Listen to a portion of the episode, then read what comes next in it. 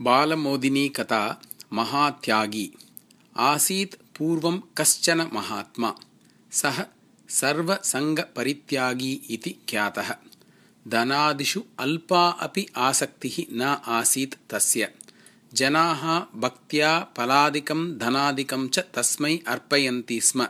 सः महात्मा तु साङ्केतिकरूपेण एकं फलं स्वीकृत्य अन्यत् सर्वं दरिद्रेभ्यः वितरति स्म तस्य ख्यातिः सर्वत्र प्रसृता आसीत्।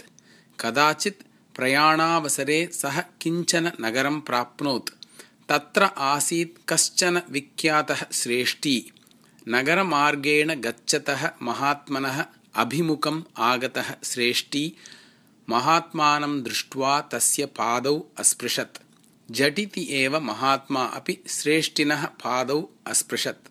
एतस्य दर्शनात् श्रेष्ठी महत् आश्चर्यं प्राप्नोत् सः महात्मानम् अपृच्छत् श्रीमन् किमर्थं भवता मम पादौ स्पृष्टौ इति तदा महात्मा प्रतिप्रश्नम् अकरोत् भवता किमर्थं मम पादौ स्पृष्टौ इति श्रेष्ठी अवदत् भवान् अस्ति सर्वसङ्गपरित्यागी मातापितृसङ्गे अपि नास्ति भवतः आसक्तिः अतः भवान् अस्ति महात्यागी इति महात्यागी तु भवानेव न तु अहम् इति शान्ततया अवदत् महात्मा।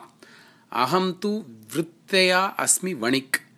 एतादृशः अहं कथं त्यागी भवेयम् इति अपृच्छत् श्रेष्ठी। तदा महात्मा अवदत् मया तु लौकिकयोः मातापित्रोः सङ्गः परित्यक्तः किन्तु भवता तु जगतः पित्रोः एव सङ्गः परित्यक्तः अतः एव महात्यागी भवान् एव न तु अहम् इति।